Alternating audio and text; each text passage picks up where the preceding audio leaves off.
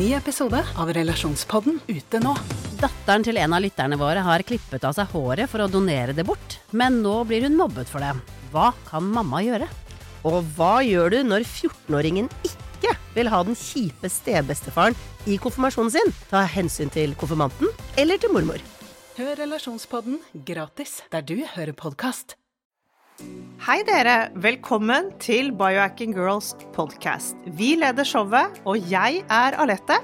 Og jeg er Monica. Vi er gode venner og kolleger, og vi legger sammen våre erfaringer og kunnskap for å inspirere deg til å bli din egen biohacker og optimalisere livet ditt. Vi følger med på ny forskning og trender, og stiller de spørsmålene vi mener er nødvendige. Ja, vi deler informasjon om biohacking, life coaching og fitness, og vi håper at du vil føle deg inspirert og klar til å ta et tak for å komme i den beste helsemessige form. Velkommen til Biohacking Girls podcast. Hei, Monica. Så hyggelig å se deg, selv om det er gjennom skjermen. Nå er det så lenge siden vi har sett hverandre. Ja, det har vi ikke sett hverandre på mange uker. Det føles enda lengre. Men, men vi har jo kontakt sånn via skjerm og via telefon og ja, sosiale medier. Det er utrolig. Og nå er vi jo på to forskjellige tidssoner, men litt nærmere enn det vi har vært før når vi har gjort podkast mens du har vært ute og reist. Ja, vi sitter jo faktisk på hver vår sånn idylliske sånn ja, hva heter det? Øy?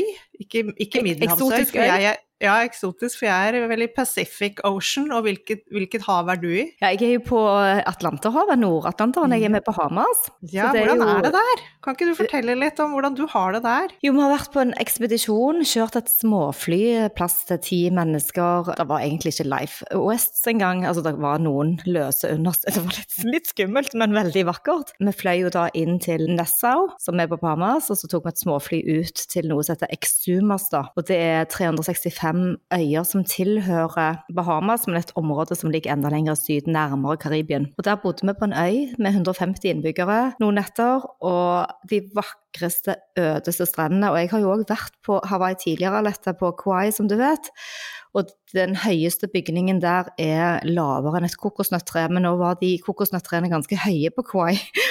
Men her kan jeg love deg det, det var så ubebodd, og altså, det fantes én liten matbutikk, og litt sånn stusselige huller med noe boksemat, for alt må jo bli fraktet inn til øya. Litt brødmat. De hadde ikke noe særlig med fersk frukt. En frysedisk med litt varer og vann, og masse cola, cola og brusvarianter. Så vi leide en, um, gjennom Airbnb, den fyr som har bodd der hele livet sitt, og fikk et bitte lite sånn, en sånn beach shack på stranden der som har sovet i, og veldig primitivt og enkelt, men altså, når du våkner opp og ser solen på den måten, og legger deg på samme måte på kveldene, så er det jo bare det mest eksklusive du kan oppleve. Ja, det, det høres jo helt magisk ut. Jeg vet ikke så mye om Bahamas, men det er så mange små øyer der. Er alle bebodde, eller er det Nei. bare et par av de? Og akkurat på denne Exuma eh, som vi snakker om da, eh, eller som vi har vært på, der er det eh, mange øyer som ikke er bebodde, og så er det en del private islands, som de kaller det.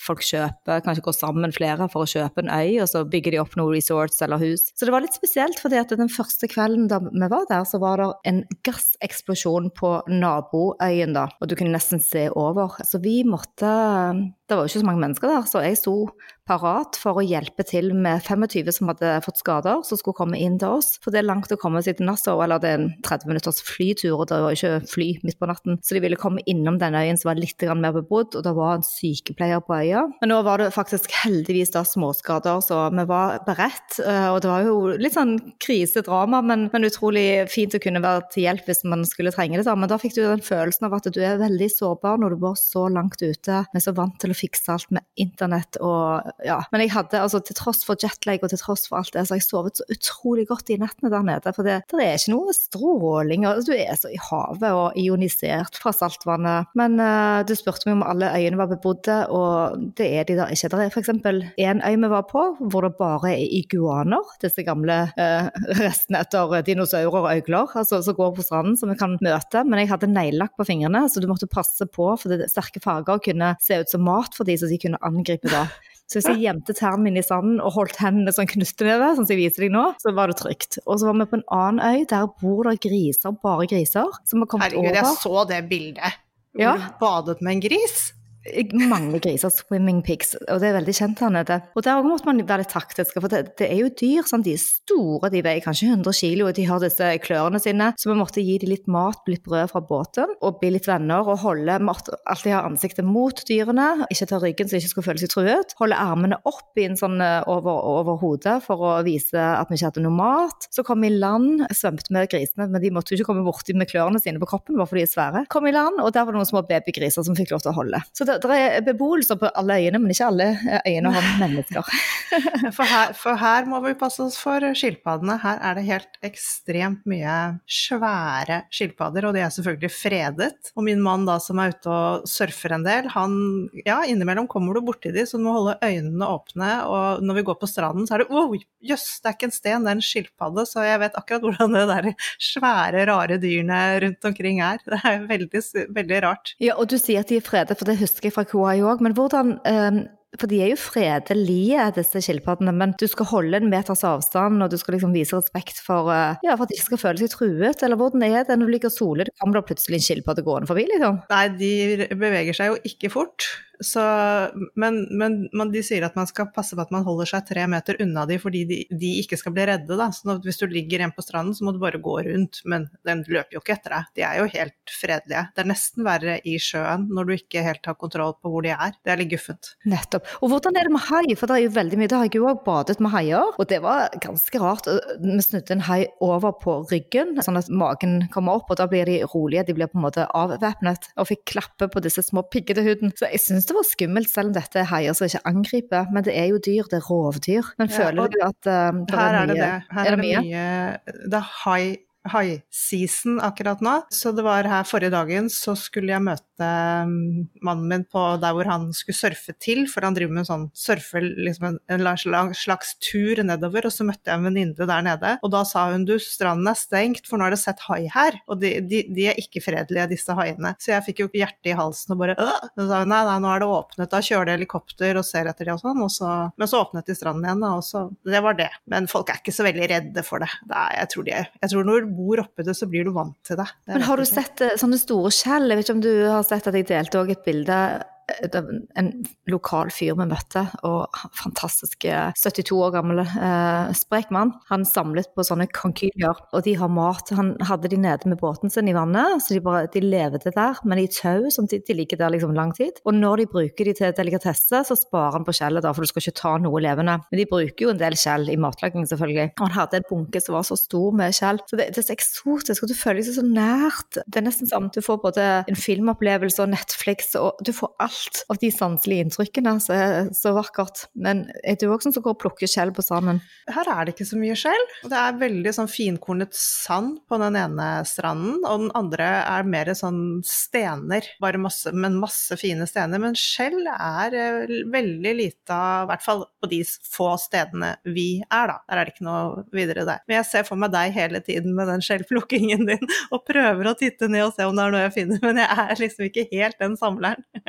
Men du, jeg dykket, vi har dykket en del, og jeg dykket etter uh, korall. Altså, jeg dykket ikke etter korall, men etter skjell. Og jeg fant en korall som da var løs. Jeg måtte ganske langt ned, det var så mye strøm i vannet, så det var så vanskelig å komme ned og få tak i den. Og den er veldig gul, for dette, det er jo det pga. vannet. Korallene vi ser i butikken, de er bare kloret og pusset på for å bli så fine og hvite. Og den klarte jeg å få tak i. På denne lille øya vi var på, da, så var det jo ikke biler, det var kun golfbiler, og jeg klarte å glemme den igjen i golfbilen da vi skulle dra tilbake med småfly til Nassau. Så det var litt dumt. Jeg syns det er så deilig følelse å samle på ting fra naturen. Men jeg har jo en koffert, jeg kan ikke dra med meg for mye hjem. Så jeg har kanskje en 10-15 skjell jeg har tatt med. Ja, men det, er alltid litt sånn hyggelig å ta med litt sånn hjem. Men man kan ikke drasse med seg hele stranden heller. Da blir det ikke noe igjen.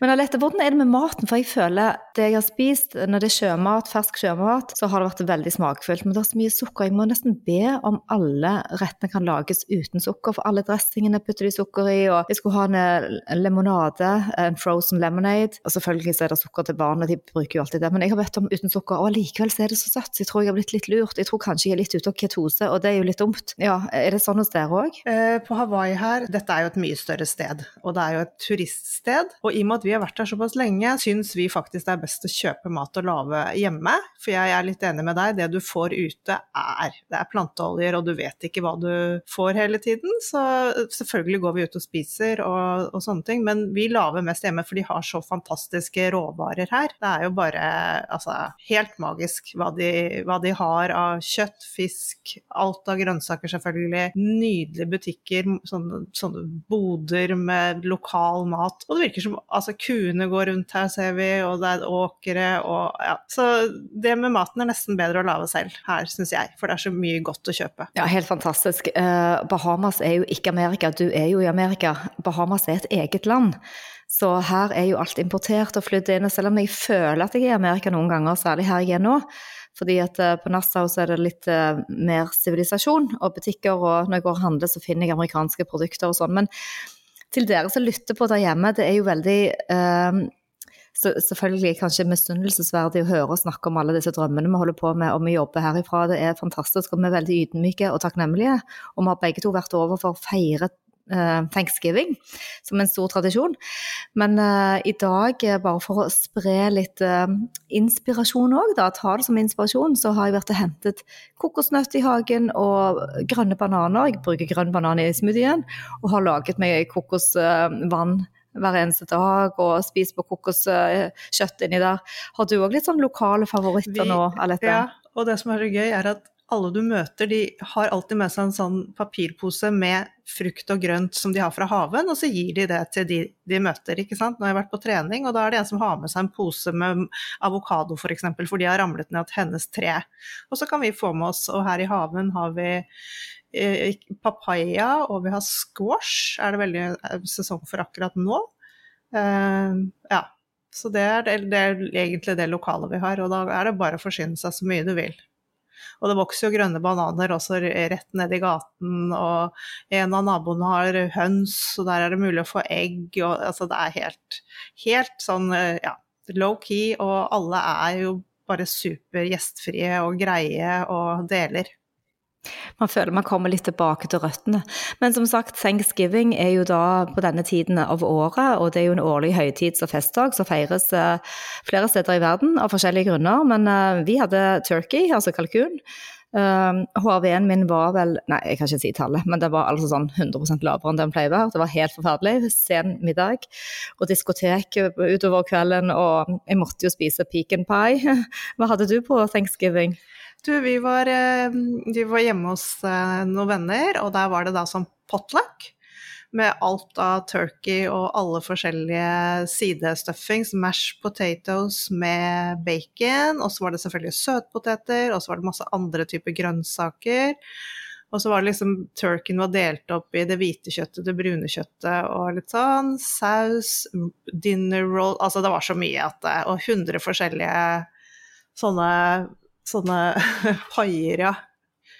Det hadde vi også. Og, men det du hadde digget med Hawaii, jeg må bare fortelle det, for her er det jo mørkt fra seks om kvelden til seks om morgenen. Og det er jo ikke noe lysforurensning her.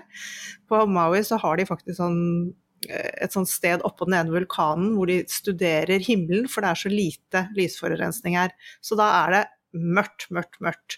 Så her kaller man 8 pm, altså 20.00, det heter Maui Midnight. Så det, de fleste legger seg før åtte. Så Thanksgiving dinner var ferdig klokken seks. Da er det hjemme å legge seg. Så det, det funker som en kule. jeg skjønner godt at du elsker å være der. Ja. Nei, vi må bare um, være takknemlige for det vi får, og det vi har, og det vi si, kan drømme om òg, og det vi kan inspirere til. Men uh, i dagens episode så ville vi da bare ha en liten sånn girl talk. Snakke litt om um, de siste ukenes opplevelser, for vi har jo hatt det ganske travelt. Og nå har vi jo da planlagt uh, Biohacking Weekend for 2023, og vi hadde, bare, ja, vi hadde bare lyst til å oppsummere litt og snakke litt. Vi skal innom litt supplementer og litt biohack som vi holder på med akkurat nå, begge to. Og jeg tror kanskje de fleste som lytter fast til podkasten vår, vet nå at nå har vi lagt ut mulighet for å bestille um, overnatting og full pakke på Biohacking Weekend 2023. Og det er jo litt begrenset med plasser dette året eller neste år, fordi at uh, vi har funnet et annet sted som er inne i skogen. Og ja, vi vil ha mer naturopplevelser, foraging, være ute og ha workshops og sånn, så vi valgte litt, en litt annen approach. Du kan selvsagt bestille dagpass, men for dere som vil overnatte, så gjelder det å skjønne sin besøkstid ganske fort. Mm, for det var vel noe av det vi satt igjen med neste gang, at de som kom på dagpass, de angret litt. At ikke de fikk med seg hele greia. For er, vi blir jo en skikkelig gjeng når vi er sånn sammen, og er, man går glipp av noe når man ikke er med på alt. Og datoen vi har satt er da 23. og 24. september. 2023. Vi har Early Bird-tilbud nå en stund, en liten stund. Så vi håper jo Vi har allerede fått mange på, påmeldinger, eh, og vi håper at vi skal få fylle opp dette og lage en like stor og spennende. Vi kan ikke røpe hvem som kommer enda, men Alette, vi kan vel kanskje si at uh, gjestene står i kø av foredragsholdere? Ja, trenger ikke være nervøse for det, for vi, vi har mange spennende mennesker på programmet. Men vi kommer tilbake til det når det er satt litt mer. Det viktigste for oss nå var å få en dato, og den også selvfølgelig litt tidligere i september, så vi faktisk kan være litt mer ute. Mm. Og så er det en sånn fin gapahuk der òg, så vi kan uh, jobbe med workshops, for det, vi har planlagt litt kule ting som kommer etter hvert. Men um, Alette, ja, så litt girl talk, litt uh, island life uh, sharing. Og... Jeg, må, ja, jeg, må bare, jeg må bare fortelle at det var jo, i og med at vi er biohacking girls, så var det faktisk her på Hawaii at jeg først oppdaget dette med biohacking. For det, det, er veldig mange biohackere her. Og det skjedde faktisk på stranden. Så var jeg her med en venninne, og så møter vi en mann på stranden som går rundt og surrer. Og så begynner vi å snakke med han, og så forteller han det at nei, han flyttet til Maui fordi han eh, var veldig syk. Og den eneste måten for han å bli frisk, var å komme seg til Maui, fordi der, her er det en helt sånn spesiell, nydelig sånne negative ioner i både sanden og luften og vannet. Så han gikk barbent på stranden hver eneste dag, og nå hadde han vært her i fem måneder, og nå var han frisk. Og Bente og jeg var litt sånn ok.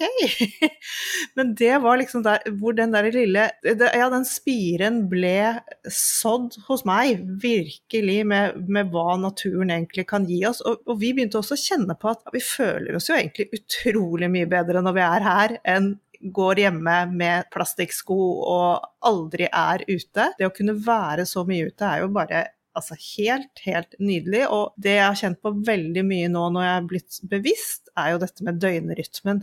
Det å spise mens det er lyst, sove når det er mørkt, få det Altså det er jo luksus at du kan gå ut selvfølgelig nå og få soloppgangen hver dag. Det er jo sol her hver dag. Å få sol på kroppen og alle disse tingene. Så ja, det, det må jeg si jeg kjenner på at eh, fy søren som man lader batteriene. Du, kjenner, du var jo inne på det du også, at eh, det er jo en god følelse. Men du vet, eh, dette er en fantastisk historie, og du vet jo at eh, de hawaiianske øyene er chakraøyene. Eh, nå vet ikke jeg hvilken chakra som er på Maui, vet Nei. du det? Jeg vet faktisk ikke det, jeg heller, men for det er jo syv hovedøyer. Og så er det her også en del sånne små private og sånn ubebodde. Men de sier jo det at Maui har helende evner. At det er denne Pacific Ocean, dette veldig salte. Og så er det selvfølgelig, det er jo to vulkaner her. Den vulkanske jorden er jo helt uh, For jeg husker uh, i alle fall at uh, Kauai er det tredje øyet, og det er den eldste av disse øyene. Og folk kommer ofte for å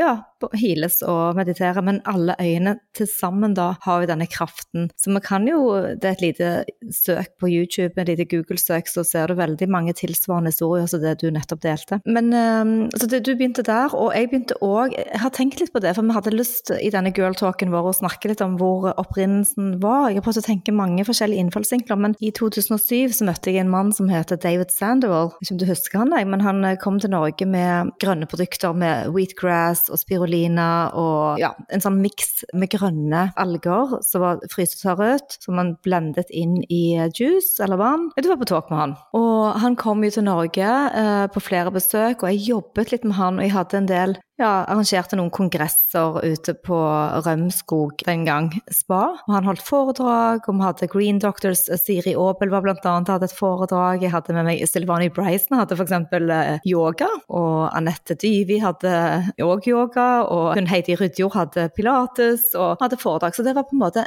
jeg følte at det var det som vi i dag ville kalt uh, biohacking. Fokus på helsen og andre innfallsvinkler, sånn som med Green Doctors, og så se på muligheter. Og så skrev han da en bok, og denne boken het The Green Foods Bible, og fikk skrive forordet i boken. Så, så, den ble gitt ut på Cappelen Dam i Norge, og det er egentlig en veldig bra bok å lese, men jeg tror det jeg må nesten bare si at uh, på den tiden der, i 2007 og 2008, det var liksom starten på min biohacking. For jeg la helt om kostholdet mitt og begynte å tenke mer på ja, alger og omega-3 og uh, alle typer supplementer som var viktige. Men det er gøy å høre at du husker den uh, tiden der. Jeg drakk veldig mye av den grønne juicen. Jeg drikker ikke så mye ja, av det nå.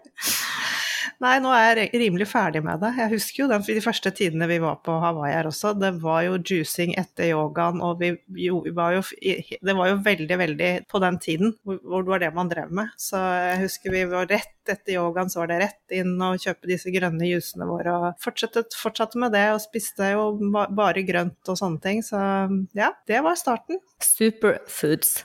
Mm. Men um, la oss se litt på, på si, de siste biohackene som du føler du har nytte av uh, Alette? Vil du dele noe med meg? Ja, det kan jeg gjøre. Og vi har jo, Monica, prøvd og testet altså så mye, i hvert fall etter at vi på en måte offisielt startet Biohacking Weekend, så har jo vi virkelig gått i dybden og testet opp, notert og holdt på verre. Og noe som har vært superbra, og andre ting som ikke har vært så bra. Men jeg vil jo si at mye av det supplementkjøret jeg har vært på, jeg vet faktisk ikke hvor mye det har funket. fordi samtidig så drev vi og gjorde så mye med kostholdet vårt også, og det viktigste er jo å få i seg næring gjennom kost. Så det er liksom noen sånne tanker jeg har hatt nå, at nå scaler jeg litt ned faktisk på supplementer. Jeg, jeg har jo tar jo blodprøver, så jeg vet jo at jeg ikke har noen mangler sånn, sånn sett. Så det har vært en stor eh, læring, faktisk, men utrolig gøy å, å teste ut. Og altså har du ikke nok av disse tingene, så bør man jo supplere litt. Men det som jeg har lært mye av, er å komme til at det er faktisk gjennom kosten at vi skal få i oss næring. Det er det den er til, kosten vår. Det er ikke teknikk og telling av kalorier og sånn og sånn og spise da og da. Det er faktisk næring for kroppen. Og en av de tingene som vi burde, eller vi, jeg, er veldig glad for at jeg har skjønt det. Før så tenkte jeg nok mer teknisk på mat i forhold til hvor mye kalorier var det, når jeg skulle spise, når og ikke, bla, bla, bla. Sånne ting. Så det har vært en av mine sånne aha-er i, i, forkant av at vi skulle snakke her, her, som jeg har tenkt litt på. Og så har jeg da også funnet en del supplementer som jeg virkelig elsker, som jeg ikke kommer til å slutte med. Ok, så fortell meg da, for jeg er helt enig, og jeg skal gjerne dele litt etterpå, men fortell meg hvilke ja. du beholder nå, da? Ja, for det første Astaxanthin. Det har jeg tatt nå i forkant av det. Ja, Monica, jeg har ikke brukt solkrem på Hawaii. Jeg har ikke trengt det. Jeg vet ikke om det er den eller ikke. Jeg har gitt den til min mann også. Han har heller ikke brukt noe videre solkrem, og han har også brukt det nå slavisk. Han har litt sånn sykdommer i syg... Nei, han har noe greier i ansiktet som han uh, sliter litt med. Så den kommer jeg ikke til å slutte med, og den er jo fra Hawaii, så her har jeg kjøpt med meg mye igjen. Og så er det jo selvfølgelig min kjære Primedine. Den jeg, så de to sammen tror jeg er det som har gjort at huden min er blitt så sterk. Jeg har aldri i mitt liv kunnet se på sol uten å bli solbrent, så det er helt utrolig. Så jeg vil tro at det, sammen med denne omleggingen av kostholdet, fått bort inflammasjoner, fått ut alt av planteoljer og sånn selvfølgelig, som gjør at du har mindre inflammasjoner, alt dette tror jeg har gjort at huden min i hvert fall blir styrket. Så de to tingene kommer jeg ikke til å slutte med. Jeg er veldig enig i at mat er mye mer biotilgjengelig for oss. Mat gjenkjennes av kroppen, og når man kan ta opp næringsstoffene. Men problemet har jo da vært at det er så mye forstyrrelse, sånn at kroppen er i ulage, den er inflammert. Og istedenfor å pøse på med mange ting, så burde man strippe ned. Og det, dette er jo noe vi gjentar veldig mye. Strippe ned og så se på hva kan jeg eliminere, kutte ut. Jeg syns det er gøy når jeg finner et nytt eh, produkt. Eksempel nå så har jeg testet eh, Black Cherry som et alternativ til melatonin min. Og det er jo fordi at jeg er overseas, altså jeg er i en annen tidssone, og det er viktig å ikke bli helt utmattet verken her eller når jeg kommer tilbake. Men jeg må si at jeg har ikke kjent noen stor forskjell. Så jeg kommer, når jeg kommer til å reise hjem, så tror jeg jeg skal inn på en liten ukeskur med melatonin for å redusere jetlaggen sånn at jeg ikke blir så sliten. Så det, den, har, du, har, du, brukt uh, cherry noen gang? Jeg har brukt tart cherry, hvis det er noe ja. det samme. Det, det, var jo den grønne juice-perioden min. Da var jeg, var jeg, veldig på tart cherry også. Da var det alle disse fra Supernature, alle produktene derifra, husker jeg. Var, uh, veldig, da var jeg veldig på de, så, så jeg, jeg har ikke prøvd det nå. Men jeg tok jo melatonin for jetlaggen jeg kom hit, jeg også, og det kommer jeg også til å gjøre når jeg kommer hjem. Men jeg, jeg er jo litt redd for å bruke for mye melatonin, fordi kroppen venner seg til det, og den slutter jo å produsere hvis man tar det hele tiden. Men sånn i forhold til jetlag, kjør på. Helt enig. Så siden jeg er på reise, så har jeg tatt med meg minimalt òg. Jeg har tatt med en stekk på noe, for eh, jeg visste at treningsrutinen min ble litt satt ut nå. Jeg har svømt i havet stort sett uh, så mye jeg har kunnet, men det har vært treningen. Så jeg har hatt med noen uh, aminosyrer som jeg kommer tilbake til etterpå. Og så har jeg hatt med um, Jeg har droppet å ta med omega-3, som jeg alltid har lyst til å ta hele året. Så det har jeg klart meg uten nå. Men jeg har tatt med um, Primadine, sånn som du har. Den fortsetter jeg med, og jeg tror det er jeg tror det er det. Ja, hormonene mine, selvfølgelig. De kan jeg ikke gå uten. For det å være sorry to say, men en voksen menstruerende kvinne, det syns jeg er ganske kult enda. Så jeg takker, og jeg er takknemlig for hver menstruasjon jeg får, med litt hjelp med, med de tre hormonene jeg tar, da, som er testosteron og progesteron og estradiol. En liten dose med krem på innsiden av låret. Så det har jeg tatt med meg. Men tar du ikke med deg, har du ikke tatt med deg magnesium? Nei, ingen magnesium. For nå er jeg såpass mye på jorden, og jeg føler Nei, jeg, har er dratt på minst mulig. Så jeg har med whey protein, for jeg visste da at hvis jeg ble sulten og trengte noe Så jeg har hatt det i sånne små poser, så jeg kan bare kjøpe en flaske med vann og shake opp hvis jeg ja, kommer i en sånn situasjon hvor jeg trenger å spise noe der og da, og det har vært veldig hjelpsomt, syns jeg. Men jeg har da en liste med disse aminosyrene, for det har ikke du tatt noe tilskudd på, Alette, har du vel? Nei, ikke siden vi drev med vår uh, biohack-muskler. Da tok vi jo um, aminosyrer. Uh, det var det eksperimentet. Og det er veldig pussig, fordi hun treneren jeg har vært hos i dag, hun sa at jeg burde begynne å ta aminosyrer. Og jeg bare ok, og nå snakker du om det igjen også, så det var kanskje ikke helt tilfeldig dette her. Og hvilke aminosyrer var det hun anbefalte da? Hun anbefalte de hvor alle er i. Åh, nå husker jeg ikke helt. Ja, de ni essensielle, så du kan kjøpe ja. en kombinasjon? Ja. ja. Det var det hun anbefalte. For det, kroppen trenger jo øh, Den har aminosyrer. Kroppen har aminosyrer, men den kan ikke lage mer, at du trenger å få det tilført via kosten. Så akkurat nå så bruker jeg lysin. Eh, det er to stykker. Lysin og L-glutamin. Så når det står en L foran, det er det samme L-lysin, L-glutamin. Så er den store diskusjonen om man skal ta dette før eller etter trening, og de fleste snakker om at man tar disse to i kombinasjon for å optimalisere etter trening ca. 30 minutter. Men jeg sammen med han Joel Green, da, som er læreren min for tiden på The Immune Centric Paradigme-utdannelsen, Han anbefaler å ta dette før, så jeg tar L-lysin før trening, f.eks. en svømmetur, og så har jeg tatt eh, L-glutamin etter trening. Og kroppen trenger lysin for å bygge proteinene, og den hjelper å bygge muskler og styrke leddene våre som får smerter i, og redusere smerter òg etter trening og generelt. Og dette er bra for å både øke hormonsekresjonen og modifisere energibruken under trening. Nå er ikke svømming så veldig tøft, men hvis du gjør en ordentlig sprint eller en styrketrening, så kan det være bra å forebygge tretthet. Så mange bruker da lusin etter treningen, siden musklene brytes ned. Så istedenfor å ta det i forkant, så kan du da reparere, men jeg har likt å ta det før. Men jeg har da tatt uh, glutamin etterpå. Men de to sammen virker jo da litt synergisk og har en sånn anti-aging-effekt, og dette liker jo du. Og det gjør du ikke unngå å miste muskelmasse, og den ene bidrar til at den andre virker håper jeg, synergisk, da. At de hjelper hverandre. Så, så det er pilleform, jeg tar da to til tre gram, ganske høy dose, eller ja, iallfall to gram. Uh, og det passer bra når du er aktiv. Du blir liksom mindre støl og får bedre restitusjon, som igjen da vil ses på søvnen. Det er noe å teste ut, da, men jeg har jo ikke gjort så mye, uh, ikke så veldig lenge ennå. Nei, og, og, det er, det er kjempe, kjempenyttig. Og så vet vi også at disse aminosyrene, det, det er vel noe av det supplementet hvor det er forsket mest på også, med gunstige virkninger. Sånn i forhold til at vi bare stapper i oss ting uten å vite, så er det veldig godt å høre at det faktisk funker. Og så er det en aminosyre som vi har snakket om før, så jeg har bedre erfaring med, for jeg har jobbet lengre med den, og den har jeg òg tatt med meg. Men da er det en liten stekk sammen som er bra, og da er det NRC, NAC, altså tylcystein, og så er det D-vitamin, så de har jeg med meg selv om jeg er i solen. Det er fordi denne kombinasjonen er så bra på kvelden, Alette. Mm. D-vitamin på kvelden. Jeg vet du tar det på morgenen i så fall. Crazy! ja, helt crazy.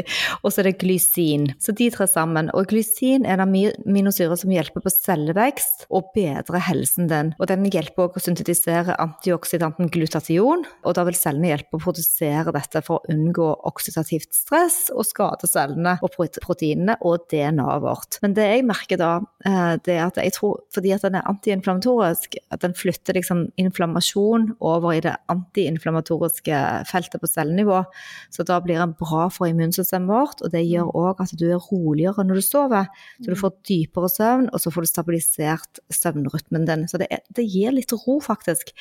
Så mm, jeg er oppe i tre gram der. Kjempebra. Så Mm. kjempebra. Mm.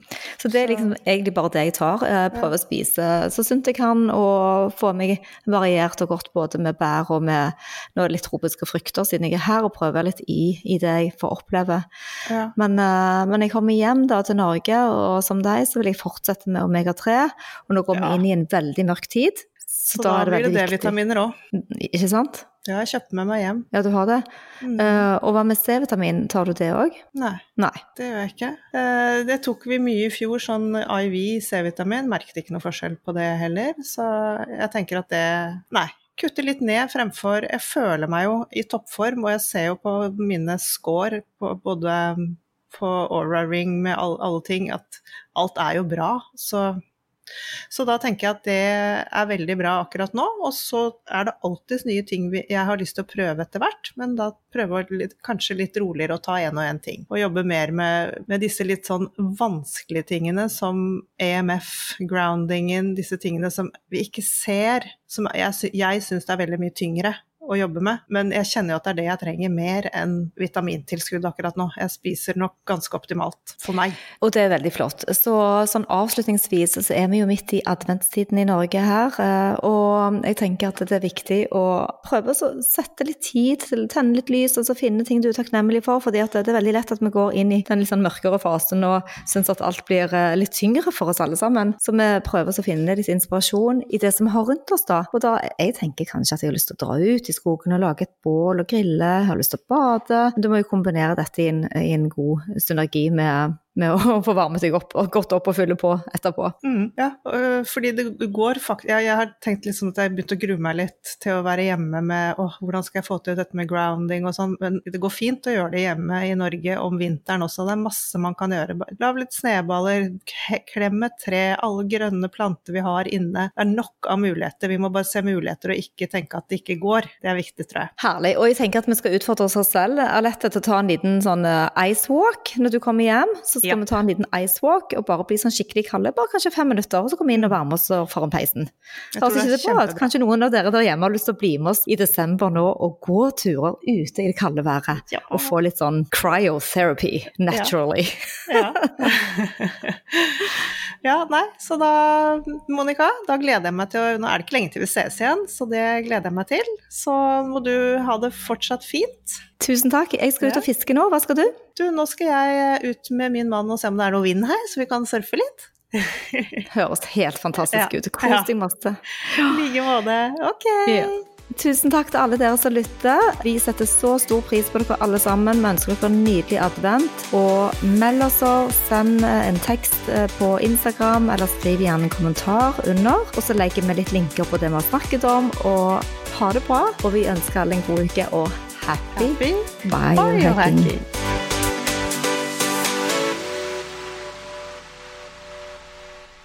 Vi minner om at dere må snakke med egen lege eller kostholdsveileder om dietter og andre spørsmål relatert til medisiner og supplementer. Informasjon vi deler kan ikke bli brukt til å diagnostisere, behandle, forebygge eller kurere noen sykdommer eller tilstander.